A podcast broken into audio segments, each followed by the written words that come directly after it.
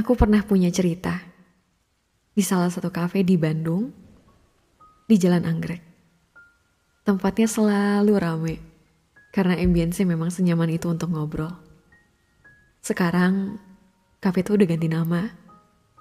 Tapi terakhir aku ngeliat sih, dia tetap ramai. Dan masih banyak orang yang milih untuk ngabisin waktunya di situ.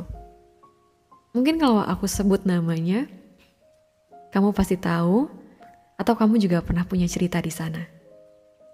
Dari sesederhana nama kafe yang berubah dan suasana yang mungkin gak lagi sama, buat aku tahu kalau dari tahun ke tahun itu pasti ada yang berubah. Entah jadi lebih dekat atau jadi lebih asing.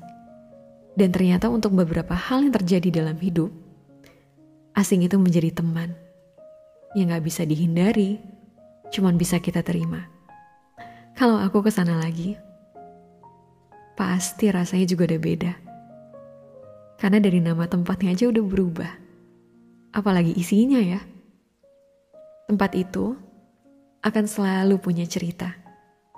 Dan nama barunya, tanda kalau kita memang ada di fase yang berbeda sekarang.